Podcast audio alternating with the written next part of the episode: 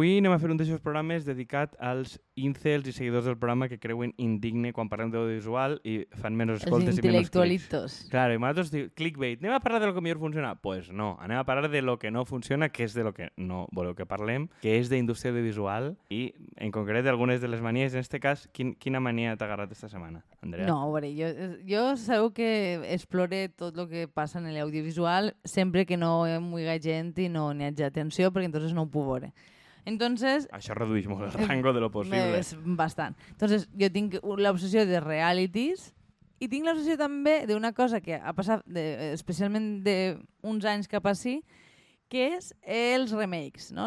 Totes aquestes sèries que eh, o, o bé són de mm, principis dels 2000 o dels 90, no? Vull dir, n'hi n'hi ha moltíssims. N'hi ha estan Madres Forzosas, que ve de Padres Forzosos, està el remake de Gossip Girl, està eh, bueno, l'Alqueria Blanca, que no considerem un remake perquè simplement han continuat, però bàsicament Són els mateixos més, més, més huelos, però... és el mateix patró que men- utilitzen en el sí, remake. Sí, sí, o sí. sigui, Ni- bàsicament però ni és el s'han currat dir-li que no en recorda. I en especial que eh, es va estrenar fa unes setmanes en castellà la versió, la nova versió de Como conocía vuestra madre, que és Como conocía vuestro padre.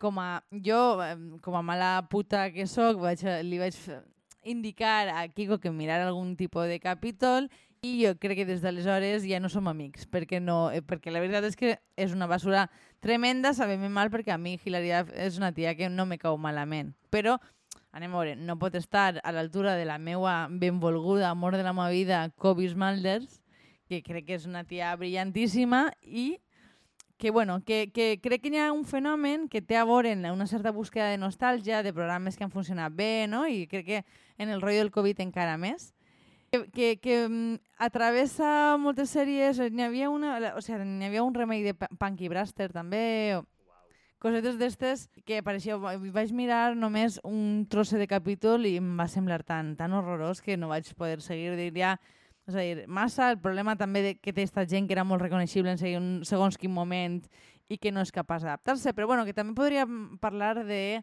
jo què sé, de fer el reencontre de Friends, de parlar de... O sea, el, tot el que tinga que veure en el fanservice, no?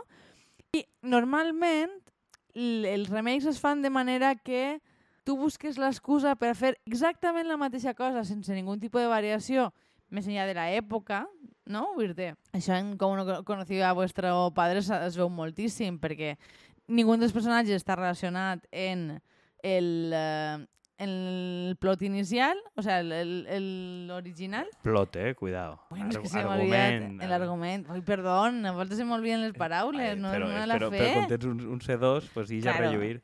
Tinc, bueno, anava a dir una cosa que no anava a deixar-me de menys pedant, així que a callar.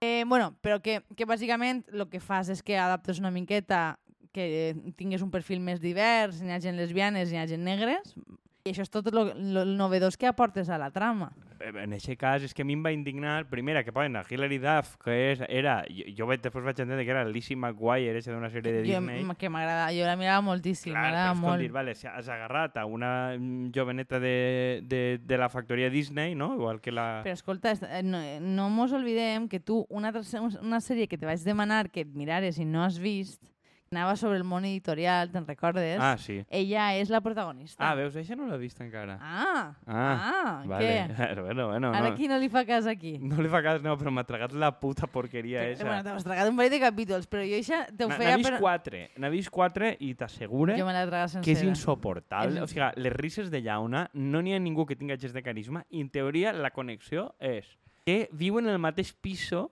que, que vivien els altres i a més com pensen que eres subnormal te ho han de dir que, que n'hi ha encara les espases que es van deixar de la sèrie original en plan, eh, si eres subnormal eh, són les espases perquè és el mateix piso vivien unos aquí, Eh, te ho diuen super explícit dius, que vergonya, tio, Sí, que vergonya és- és- està deixa prou- algo a la imaginació Prou mastegada. joder I bueno, de, de fet, lo, per a mi l'únic que val la, la, la pena aquesta sèrie és que en l'últim capítol no em fa... Este no em fa gens de mal fer spoiler perquè em pareix una merda de sèrie. no la vegeu, no? Exactament.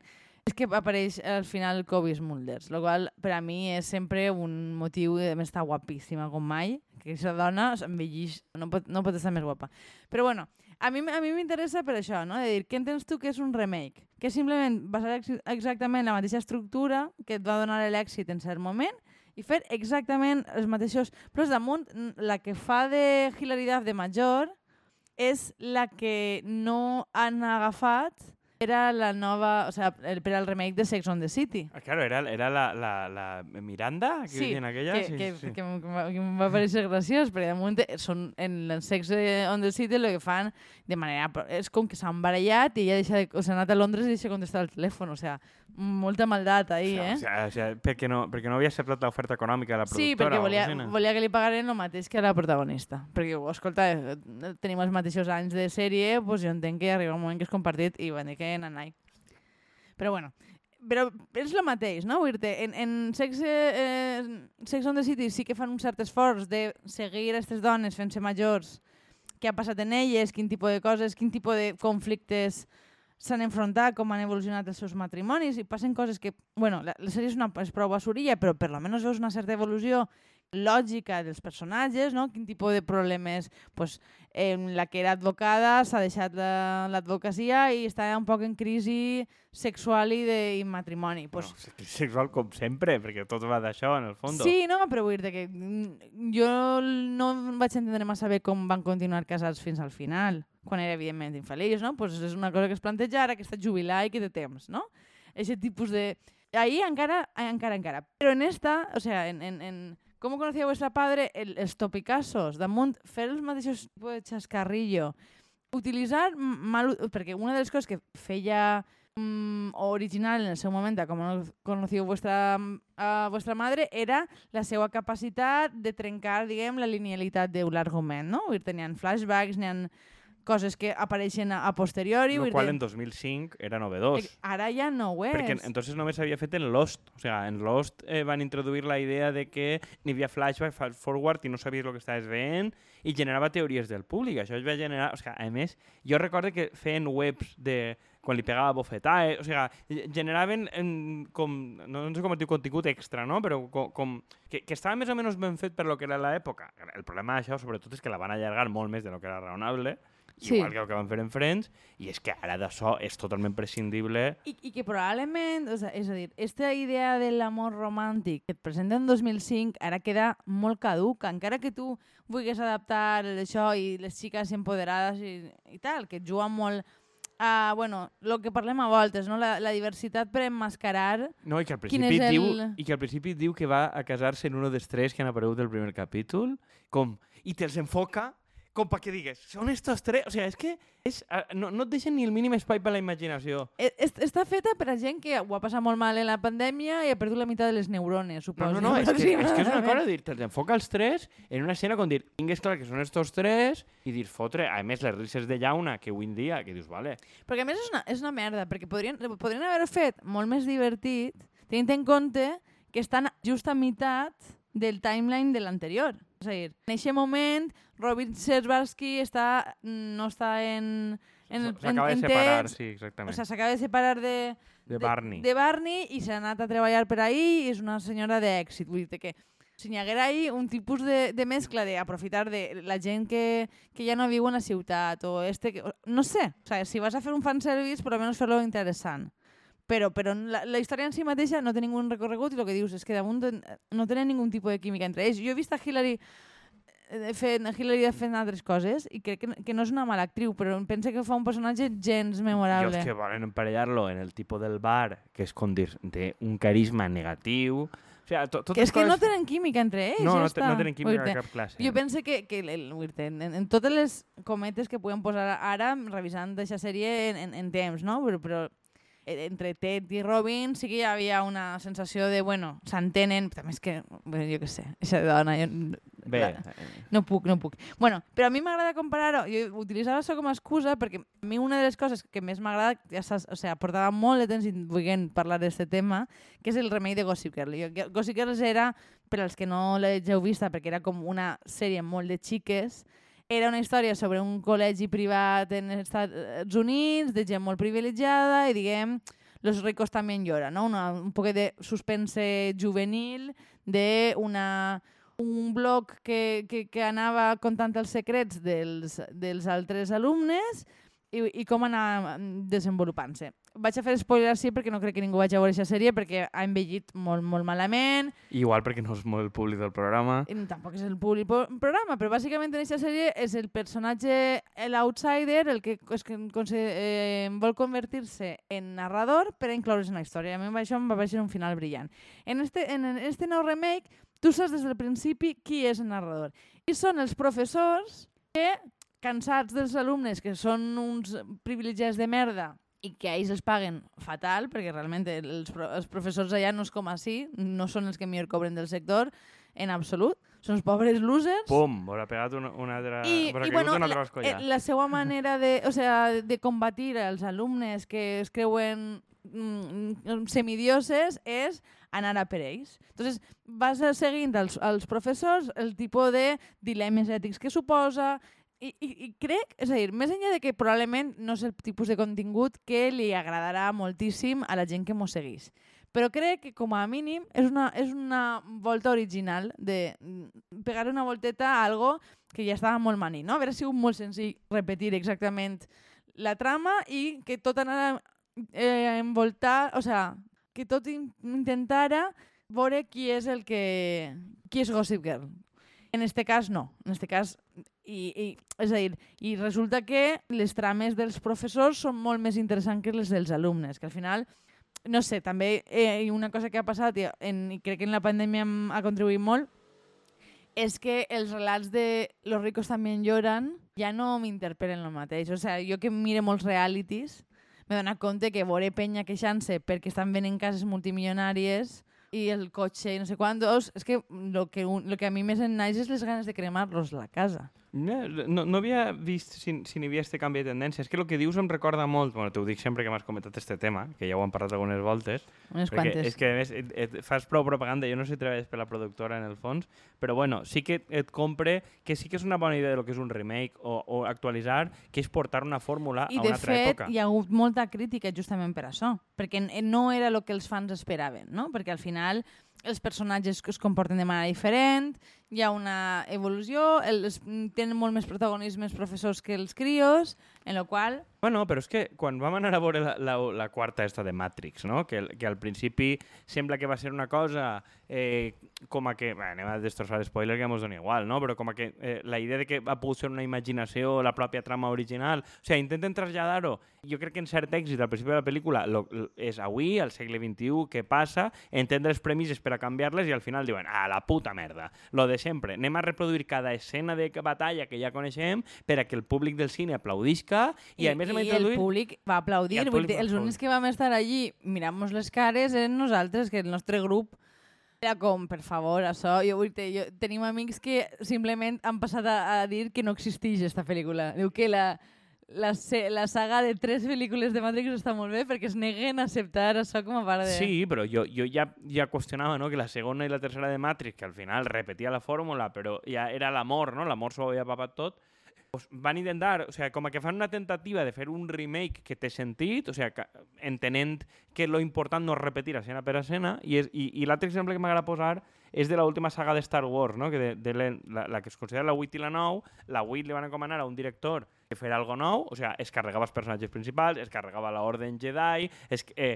la, la protagonista no era filla ni neta de ningú, sinó que era una, una tia nova, una personatge nova, el van criticar molt per haver fet una pel·lícula original i en l'última pel·lícula la protagonista ja era, perquè per herència era la filla o la neta del malo, i tot tornava als cauces de lo que el fanservice volia. I aplaudida, i, i va guanyar o sigui, molta més audiència, sent una pel·lícula de puta merda. Però és cert que guanyarà més audiència, perquè justament ens trobem ara en un context en què les plataformes estan perdent penya, això eh, ja ho van comentar en un anterior programa, n'hi ha futur d'algunes sagues, com la, la de Star Wars, que van a plantejar-se no fer-se perquè tenen molts costos i tal. I és que jo crec que hi ha una certa... És a dir, la, la gent busca productes nous.